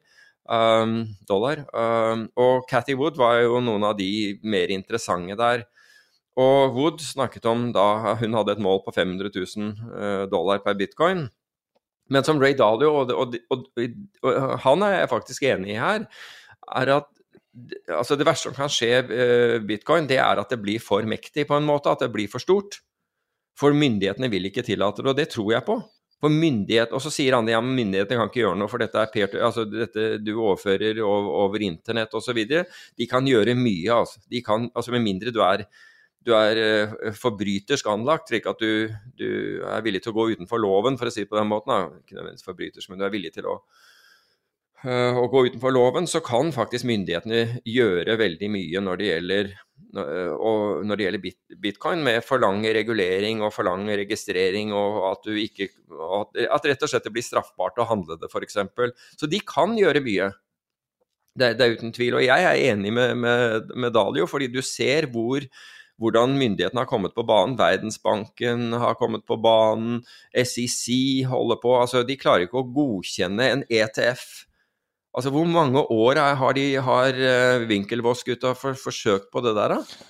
Who cares? Det er mange De er jo så steinrike at det er jo helt absurd. Hva da? Vink, Vinkelvassene er jo så sinnssykt Ja, ja, men, men, men poenget mitt er at, at det, det, å godkjenne en, en ETF med bitcoin burde ikke være for komplisert. Altså, så lenge du kan dokumentere cold storage eller et eller annet sånt som gjør at, disse, at du har de coin, coin unnskyld, de, som du, du, skal ha. Så burde det ikke være Og flere andre har nå øh, søkt det samme, og nå ser det ut som noen skal klare det i Canada, da. Øh, før andre. Har ikke det, det vært en denne... i Canada? Jeg syns jeg husker det var en. Jo, men det er en trust, det er ikke, det er ikke en ETF. Ja, ja det, er, det er en, trust. Er en aksje. GBTC. Ja. Um, du, jeg sitter og ser på lineupen på denne Salt-konferansen. Hvordan i alle dager klarer han å samle alle de her folka der? Han må jo ha tidenes nettverk. Til og med ja, jeg, jeg, angrer litt på at jeg ikke hørte på den. Jeg, jeg, får invitasjon til den hvert år, men jeg angrer på at jeg ikke hørte på den. Men, uh, men det, det, var Altså, jeg mer leste uh, presseoppslag, eller uh, Hva heter det for noe? hvor, hvor de, de gjenga ga uttalelser bl.a. Fra, fra Wood og, og, og, Ray Dalio. Men jeg angrer jo litt på nå at jeg, ikke, at jeg ikke hørte den. Ja, altså Ray Dalio er jo selvfølgelig den store kanskje her, men uh, det er utrolig mange interessante folk de har samla. Det er jo ja, hundrevis av folk, altså. Det er jo ja. Det rivaliserer de aller fleste konferanser jeg har sett. Det er bare artig. Så du mener at ja. jeg skal kansellere planen med Mooch som gjest? Nei, altså hvis du vil ha han og, og mener at du, får noe, at du får noe meningsfylt altså Han er jo en He's a character. Er, han er jo opplagt, det. Jeg bare, jeg bare jeg, lagde en liste for to år siden, ett år siden, eller sånn, hvis vi skulle lage en sånn intervjuserie knytta til Altså en sesong med intervjuer. Mm. I tillegg til podkasten så tok jeg lagde ei liste over uh, hvem som jeg vil ha med. da. Jeg vet ikke om jeg skal eh, dele den lista. du, kan heller, du kan heller drippe it inn av og til, fordi det er interessant å høre. Jeg er litt redd for å bli overveldet der akkurat nå, siden jeg ikke har sett den listen. Men Scaramucci, altså. Ja, Scaramucci. Faen for en karakter men, er, altså. ja. Uh, men, uh, men Uh, mens, mens, vi er inne på Salt, det er, det, det er jo et lite hopp fra, fra Salt til, til uh, til Norge. men, en, og, men, siden vi er inne på akkurat tematikken, fordi krypto var oppe i, på Sol-konferansen, så, så, hørte, så hadde Danske Bank et kryptoseminar her eh, nylig. Og, og, det var veldig interessant. Altså de, det var Tom Stovi i Finans Norge og Fredrik Haga i Dune Analytics som, som da hadde vært sitt innlegg og som svarte på spørsmål. Og for det første så syns jeg at Danske Bank viser at de er fremoverlent ved å, ved å ta opp tema og tørre å debattere tema, når det har gjort det motsatte. De graver seg jo fullstendig ned når, når, når krypto blir nevnt, og hiver ut uh, kunder. Da, med mindre du, har, du, har, du, er en veldig god kunde, så blir du jo hevet ut hvis du, hvis du, har, hvis har bitcoin. Men Danske Bank har gått den andre veien, og ære være dem for det. Og, og det var veldig informativt. Og Tom Stovi var utrolig kunnskapsrik om, eh, om, emnet, og det var jo selvfølgelig han eh, Fredrik Haga fra June Analytics også. Så hvis, eh, hvis det gjøres tilgjengelig for, for andre enn inviterte, så, så burde lyttere eller hvis de, er, hvis de, er, kunder av Danske Bank og er interessert i krypto, så burde de faktisk høre på det. Altså hvis du er, hvis du er på nivå med, med med, med, de flinkeste i landet i, i krypto, så er, vil jo ikke dette være noe nytt for deg. Det men jeg, jeg syns i hvert fall det var informativt og bra, og all cred til danske for å, for å, ha arrangert det. Det var det jeg ville si om den. Så, så du den dokumentaren jeg delte som et blogginnlegg? Nei, dessverre. Jeg har ikke sett den ennå. Jeg kan legge den som en link i nyhetsprøve, så det var ganske mange som så den. Nei, jeg, har, jeg så den for et år eller to siden. Den heter um Uh, death Nei, hva Death of the, ikke Death of the American Dream, men Death of the American Middle Class. Men det er jo litt to sider av samme sak. Mm -hmm. uh, den føler jeg, når man skal f.eks. snakke om folk som er veldig pro Trump, eller man skal snakke om Kina versus USA, eller gjeldstaket, eller um, eller store, større sosiale forskjeller, eller minimum wage, eller jobbtall, eller hva som helst hvis du har sett denne dokumentaren, så vil du aldri se helt likt på det. For det følger to familier i mer eller mindre en generasjon, fra midten av 80-tallet til i dag. Og du ser hvor ufattelig håpløst ting er stekt mot dem som på en måte gjorde alt riktig, eller hva man skal si, anførselstegn riktig, på 80-tallet. Altså dem som på en måte fulgte, fulgte reglene og, og um, uh, hadde de her fagforeningsbeskytta jobbene da uh, type i bilindustrien eller i diverse andre produksjoner. Og, og, den dagen der fagforeningen på en måte falt, det jo, skjedde jo både i England og USA, uh, mm. Så forandra alt seg, og det kom seg aldri tilbake igjen. Og den kjernefamilien som vi ble kjent med gjennom ting som Simpsons og, ja, og uh, Flintstones og all, alle de her tingene på TV, har alltid vært en mann som er ikke utdanna, har en jobb, hjemmeværende kone, unger, hus, stabilt liv, relativt happy. Livet er ganske bra. Det er ikke overdådig på noen måte, men ting funker. Og den amerikanske virkeligheten eksisterer ikke lenger.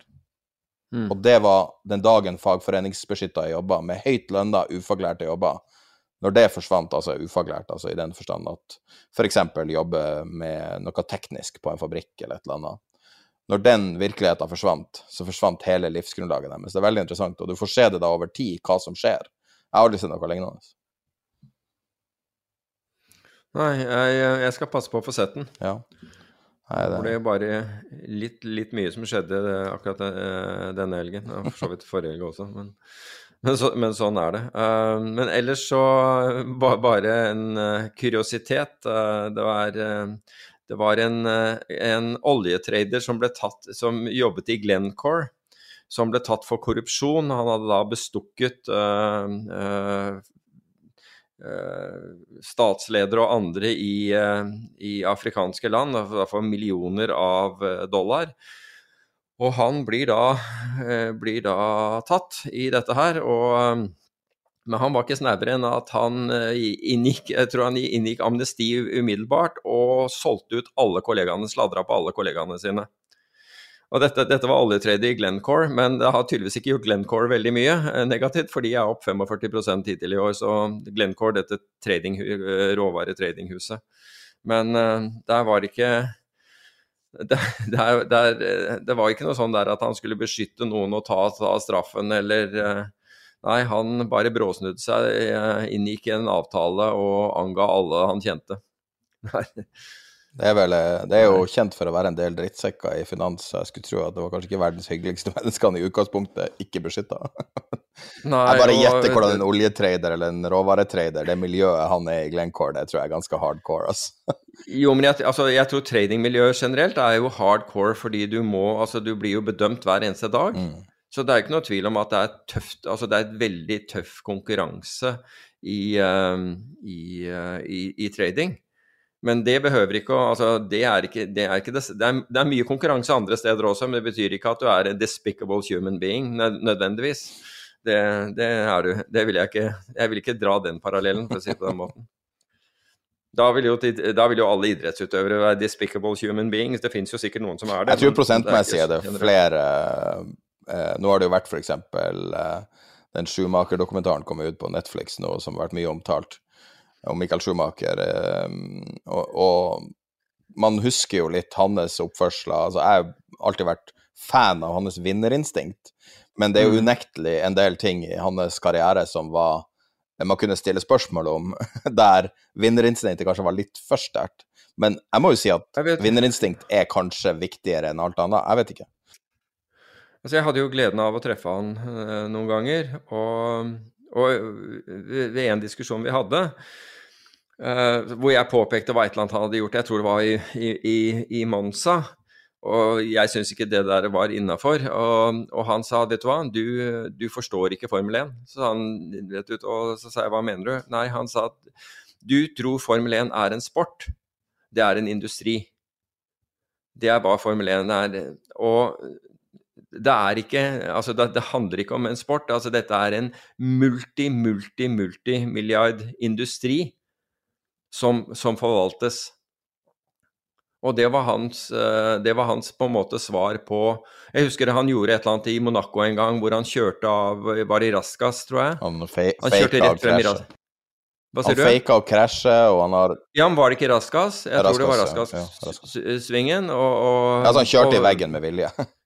Nettopp. For å blokke alle andre. Ikke sant? Og han sa at altså, det, dette er en multimilliardindustri. Ikke don't confuse it with a sport. Um, så det kan være Men altså, jeg fikk på en måte en Jeg, jeg forsto plutselig hva han mente med det, og litt om hvordan, hvordan, man tenkte. Jeg sier ikke at det er riktig, um, det er ikke det jeg sier, men, uh, men når Hvis aktørene, utøverne om du vil, men det vil jo gjelde alle, um, tenker, altså tenker på det som, som en, en, ren business. En ren, altså det er det det er, um, istedenfor å, å fremstille kulelager, så, så, så vinner du uh, billøp. Så, så, har man et annet tankesett.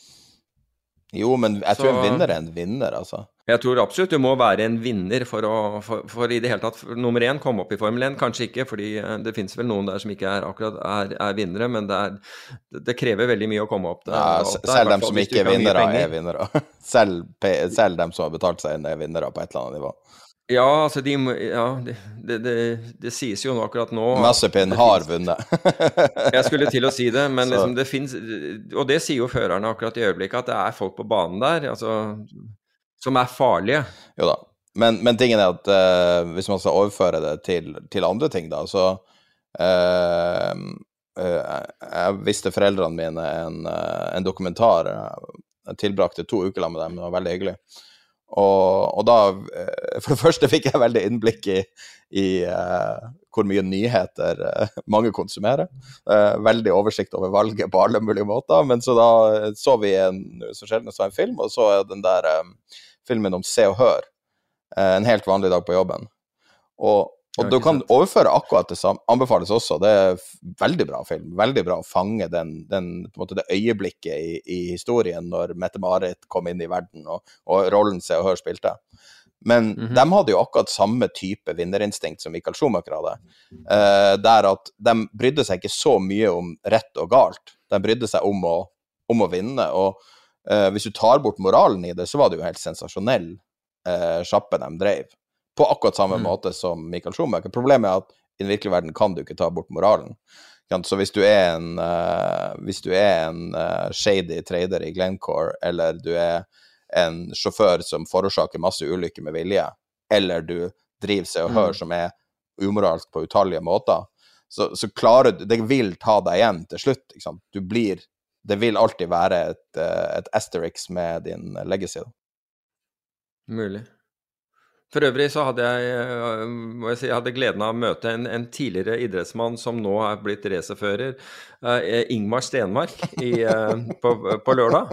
Jo men, det var, jo, men altså, de yngste vet jo ikke hvem han er. Jeg men, men jeg er. husker Ingmar Stenmark, altså han var jo verdensmester i alpin, han, han, men, eh, så, og det var jo hyggelig. Og han, han, kjørte, han kjører eh, på, på, et, eh, på et lag, et, et svensk Porsche-lag. Er Ingmar Stenmark bare 65 år? Det vet Jeg ville ha ikke, gjetta han var 100 år. 165. Unnskyld, Ingmar Ja. Men i hvert fall Og han har eh, det var sixpack hyggelig. fortsatt. Ja, ja han, han, er, han, er, han var mye tynnere enn da han, eh, da han sto på ski. Riktignok, men det passer jo veldig bra når du skal kjøre en racerbil, for da må du være lett også, så så eh, Han er ikke med i den Porsche-cupen. Jeg, jeg har ikke sett, sted, jeg har sett litt på det. Jo, det var en del av den Porsche-cupen. Ah. Men ikke den der store, den eh, Nei, han kjørte ikke i den, han kjørte i den nest største klassen. Er det GT3, eller? Ja, du, jeg er Nei, det, er ikke GT3 og GT4, det tror jeg det er? Altså, nå viser jeg min ignorance, men uh... Livsfarlig begynne å si sånne her ting når folk kan alt om Porsche. Ja, ja, da må de bare for, for, fortelle hva det er. Men han, han, kjørte, han kjørte ikke i den, i den raskeste klassen. Eh, Det var tre biler i det laget han kjørte. Den ene var kjørt av, eh, for øvrig av en, en, en, en svensk dame. Hun var 33, og hun har kjørt Indianapolis 500 i hvert fall tre ganger. Blant annet i år. Da er du ikke tam altså når du ligger og kjører eh, tre timer i over 300 km i timen i snitt. Så, og hun bremset senere Jeg burde selvfølgelig ha husket navnet, men jeg gjorde ikke det. Men hun bremset da senere enn noen annen. Så hun, hun kjørte hun, hun Utrolig sånn elegant kjørestil. Men det var, var eh, i hvert fall Stenmark, en, en tidligere toppidrettsutøver som nå er da kjører racerbil. Da fikk du name-droppa med- han. Det er jeg imponert over at du klarte. Ja, men altså, du kan si at det er ikke så mange som vet hvem han er, men jeg, jeg syns faktisk det var morsomt å hilse på han. Selvfølgelig. Det jeg. Han er jo megastjerne. Det er jo eh, Jeg vet ikke. Det er ikke så veldig Ja, mange veldig som er low-key fyr, da. Veldig, ja, veldig, eh, veldig low-key. Ja. Jeg har jo sett bilder av når han kjører, men det ser jo ut som det er 40-tallet på de videoene, liksom. Men det kan jo ikke være det. Ja vel. Ja vel. Men uh, nei. Ja. Nei, men du, vi har ett punkt igjen som er hvitt på regnearket, og resten er lyserosa. Ja, det snakket vi om. Hvis det var tema to, så var vi innom det. da har vi null, da. Da har vi null. Da er vi i mål. Hva du har lyst til å snakke om da de siste minutta? Nei, jeg vet ikke hva det, det, det skulle være. Um, jo, det jeg kan si er at det kom akkurat en newsflash om at Oslo Børs er ned 3 så gud vet hva, hvilken, eh, hvilket adjektiv som, som, som brukes om dette. Jeg husker under finanskrisa. Å, satan! Nå har DN slått på stortromma. De har gjort teksten oransje. Men eh, jeg trodde det var rødt som var ned, men eh, de sier det. Ja, går det går, Nå er, går mot årets verste dag på Oslo Børs. Det er jo en Fordi at man bruker jo veldig store ord på veldig små bevegelser. Jeg husker under Hvordan er det mulig? Aksjer kan, gå, kan, kan da ikke gå ned? På et tidspunkt eh, så var det noen som la ut bilder med blod på Oslo Børs. At de hadde liksom photoshoppa blod på. For når du har brukt opp alle de store ordene, hva skal du gjøre da? Ja. Jeg får gi, ja. Folk søker vel direktenummeret til Amund Djuve i øyeblikket nå for å få rettet opp dette her, for aksjer kan ikke gå ned. 3-0, ja. Men det er jo litt mye, da. 3 er jo faktisk ganske mye når man har hatt en, en rett linje oppover, da. Ja, når du har hatt en rett eh, linje oppover som, som dro omtrent 20 så er det jo klart at det er fælt. Det må være grusomt. Men for én gangs skyld så tenker jeg kanskje det her er et tidspunkt å kjøpe dippen. Ikke nødvendigvis se på det som et råd, men hvis man ser helhetlig på det, så kanskje det her er den ene gangen der det faktisk der, Altså, vi på en måte dediserte oss jo fram til at Kina kanskje er inne på noe med måten de tilnærmer seg på det her. Ja, men eh, altså hvis, hvis, Kina er inne på noe, så er jo det noe som på en måte må rulle av i en, i en periode. Ja, ja, altså ting kan gå til helvete før det. Not, ja, ja, it's, it's, not a quick Jeg tror ikke at, går, at noe går til helvete, men jeg tror, jeg tror, ikke det er Kina prøver ikke å gjøre noe quick fix, tror jeg. Men tenk deg hvis det er noe de... sånn tredimensjonalt som foregår her. Tenk deg hvis Kina faktisk prøver å framprovosere uro, for de vet at de kan håndtere det, og kan alltids bare nasjonalisere ting, eller nå har de jo allerede visst ting. De har jo gjort én ting, da, der at eh, folk kan eh, kjøpe jeg tror det er rabatterte boliger eller noe sånt, for å på en måte mm. Det er en måte på en måte å, å de-leverage sånn sett, at boligen ja. effektivt sett er mindre verd, men du får i hvert fall boligen. Um, men, men, tenk hvis uh, Kina sitter og ser på USA nå, og uh, når du ser kommunikasjonen som kommer ut av Kina, så er den ganske aggressiv mot USA. Eh, satt og, og leste litt på kinesisk Instagram. Jeg, jeg, bare gjorde masse research i helga for å prøve å finne ut av hva som skjer. Og så kom jeg over en, en kinesisk Jeg bruker ikke Instagram vanligvis, men, men, jeg kom over en kinesisk Instagram som delte ting sånn litt sånn underfundige ting fra Kina. Smått og stort. Og så på grunn av den kom jeg over en annen en, da. Og, og der var det Er den på kantonesisk, eller? Ja, noe var selvfølgelig på mandarin, og noe var på, på vestlig vestlige språk. Men en ting som gikk igjen, var at det var mye snakk om Altså, det var mye sånn karikaturtegning om Afghanistan, og at eh, eh, Spesielt gjorde de mye narr av det at folk datt av flyene som tok av, altså de her eh, C-17-ene som tok av, og så mm. satt folkene, så datt dem av. Det var veldig, det bildet gikk igjen igjen og igjen, der det var liksom karikert som en vits for å illustrere hvor elendig USA hadde uh, håndtert Afghanistan. Og, og, da begynner jeg liksom å lure. ok, La oss si at det her Evergrande-saken, at de bare pusher grensa litt for å se hva som skjer med USA, fordi at de vet at ting sprer seg så fort. Altså, du har uh, eiendomspriser i Kina påvirker strømprisene på uh, midt i Norge, middle of nowhere, liksom. Altså, ting er relativt globalisert. Tror du det er en mulighet at de tenker så tredimensjonalt og, og gjennom... Jeg, jeg vet ikke. Jeg, jeg må tenke over den problemstillingen mye lenger. Men det som slår meg, er jo at kineserne har jo plenty av dollarreserver, altså valutareserver, så de kan håndtere Altså Evergrande er, er liten i forhold. Mm. Så hvis kineserne ønsker å Altså de, de, kan på en måte tune den som du tuner en, eh, en, en, eh, en stekeplate, egentlig. De kan, de, kan akkurat, de kan, velge akkurat hvor mye varme, fordi det er, det er, ikke sånn at det blir for varmt, og så går det gærent, ikke sant? og så får du ikke kontroll. For de har muligheten ja, de har full kontroll. De har jo et, absolutt Ja, jeg mener at de har full kontroll. Så, så, jeg, så det myndige Altså, det som skjer nå, det skjer på en måte med myndighetenes i anførselstegn velsignelse. Altså, med, innen, altså der er myndighetene helt innforstått med hva som skjer, og de har de har eh, virkemidler til å, til å, å stanse det hvis noe, noe, som de ikke ønsker, skjer. Men, om, men, når det gjelder contagion, altså med andre ord spredning til, eh, til resten av verden, så, så, tror jeg det ville være naivt å tro at kineserne på en måte kontrollerer det. Det de kontrollerer, det er, det er på en måte sitt eget, sitt, sitt eget område og, sitt, og, og, det som skjer innenfor det. Det er det de alltid har gjort. De har alltid sett innover. Alltid. Uh, de har jo ikke vært et erobrende folk. Historisk ja, altså Det som skjer utenfor, vil være opp til uh, og, og, og, folk har jo blind tillit til, til, vestlige sentralbanker om at de pumper penger så fort noe. Og egentlig så har, jo, har man blitt flasket opp med det siden, siden 2008. Så har man blitt flasket opp med nettopp at de gjør det. Uh, så, så, det kan godt hende at de har rett, men det vi vet, det er jo at deltaen for hver milliard brukt, altså den effekten som hver milliard dollar brukt i stimuli har hatt, har blitt stadig mindre. Mm. Og, ta, og så, tida, det holder, hold markedet oppe kortere hele tida. Ja, nettopp. Ja. Men jeg lurer på, altså Jeg vet ikke, fordi at hele poenget er at det er så vanskelig å lese altså, At jeg gjør en like god analyse som du gjør som Solo, David Solomon heter, eller altså eh, det er så lite visibilitet inn i Kina uansett hvem du er. Med mindre du er Xi Jinping eller, eh, Ja. eller i de tusen personene i den komiteen. Altså, ingen vet hva som skjer i Kina. Sånn at det er nesten helt umulig å analysere, så man kan like gjerne spille sånn uh, spillteori om det, og, og analysere ut fra ekstrem, altså ekstremene til høyre, ekstremene til venstre, og så alle scenarioene mellom, for å prøve å se hva som gir best utfall. For at uh, sånn som det er nå, så syns jeg det, det virker like sannsynlig at Kina lar denne strikken tøye, for de vet hvor sinnssykt sensitiv USA er på negative nyheter. Og de vet hvor Mm. desperat alle prøver å holde amerikanske økonomien i gang med det uendelige antall stimulier nå.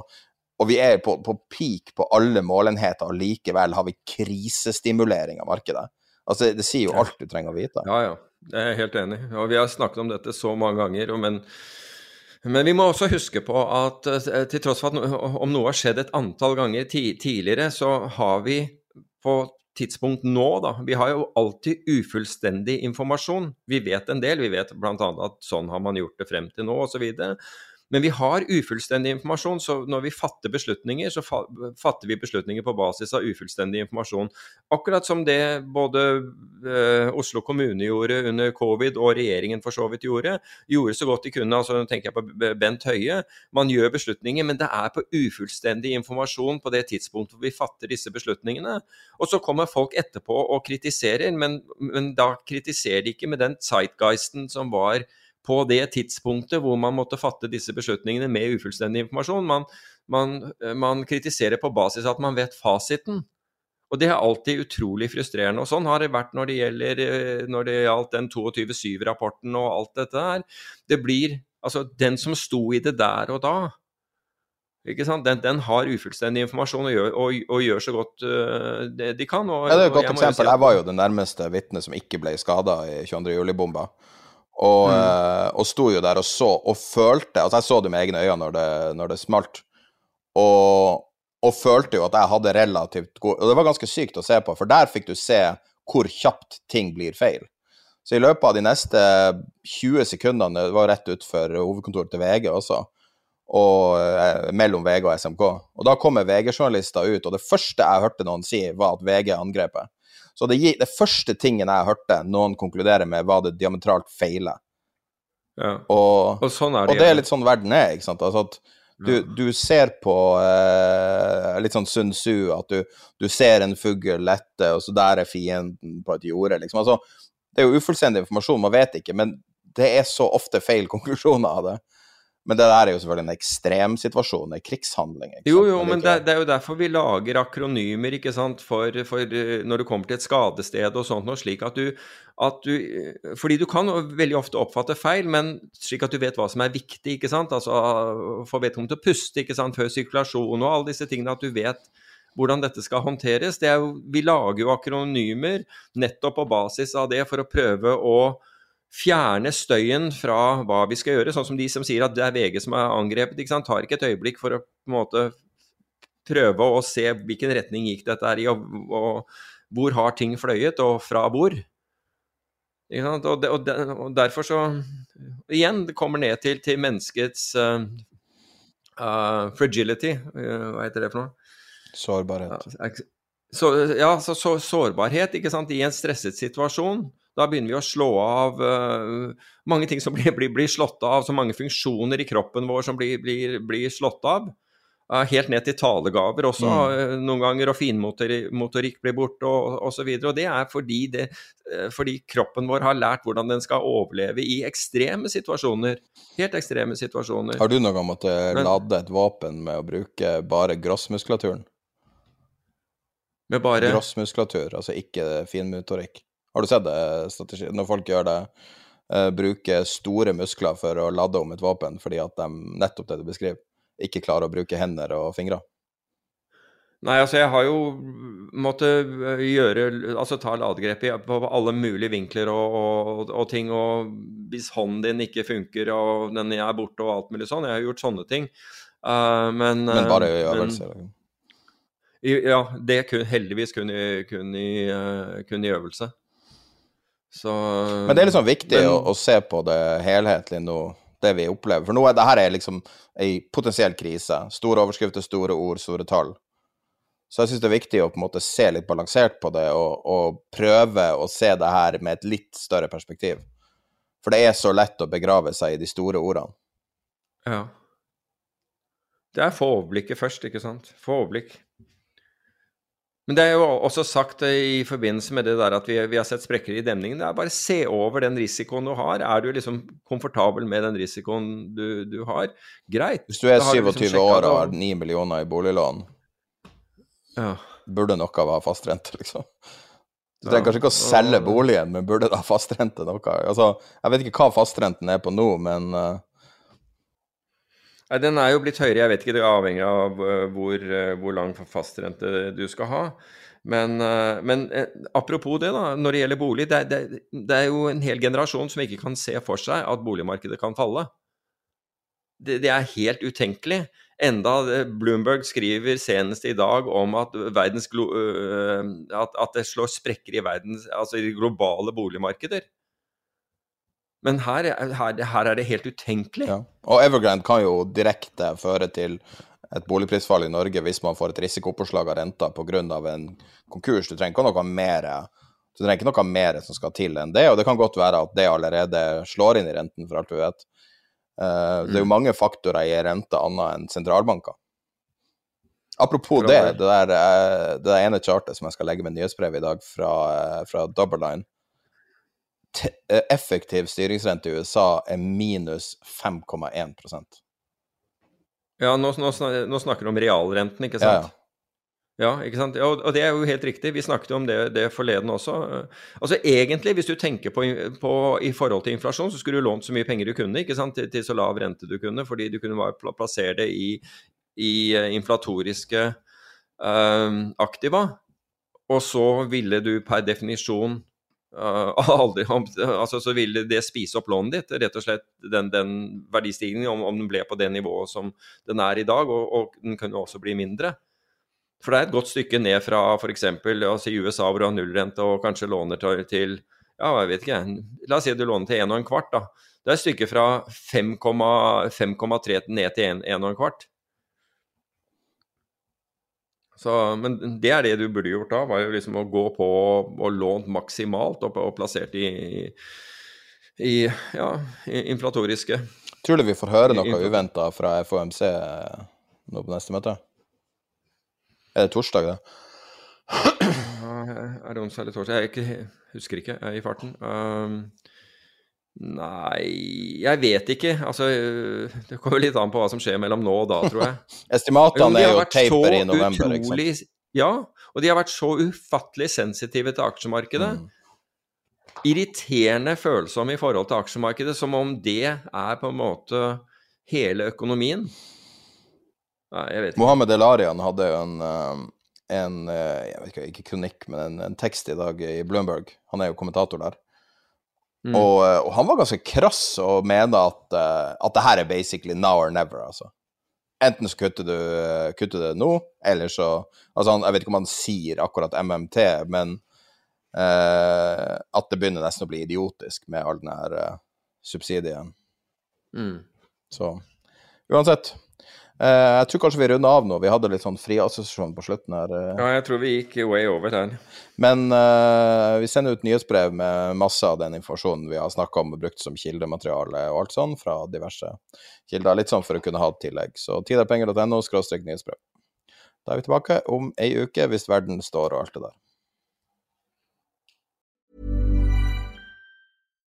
Why don't more infant formula companies use organic, grass-fed whole milk instead of skim? Why don't more infant formula companies use the latest breast milk science? Why don't more infant formula companies run their own clinical trials? Why don't more infant formula companies use more of the proteins found in breast milk? Why don't more infant formula companies have their own factories instead of outsourcing their manufacturing? We wondered the same thing. So we made ByHeart, a better formula for formula. Learn more at byheart.com. Hi, I'm Daniel, founder of Pretty Litter. Cats and cat owners deserve better than any old fashioned litter. That's why I teamed up with scientists and veterinarians to create Pretty Litter. Its innovative crystal formula has superior odor control and weighs up to 80% less than clay litter. Pretty Litter even monitors health by changing colors to help detect early signs of potential illness. It's the world's smartest kitty litter. Go to prettylitter.com and use code ACAST for 20% off your first order and a free cat toy. Terms and conditions apply. See site for details. Hey, it's Paige DeSorbo from Giggly Squad. High quality fashion without the price tag? Say hello to Quince. I'm snagging high end essentials like cozy cashmere sweaters, sleek leather jackets, fine jewelry, and so much more. With Quince being 50 to 80% less than similar brands. And they partner with factories that prioritize safe, ethical, and responsible manufacturing. I love that. Luxury quality within reach. Go to quince.com slash style to get free shipping and 365 day returns on your next order. Quince.com slash style.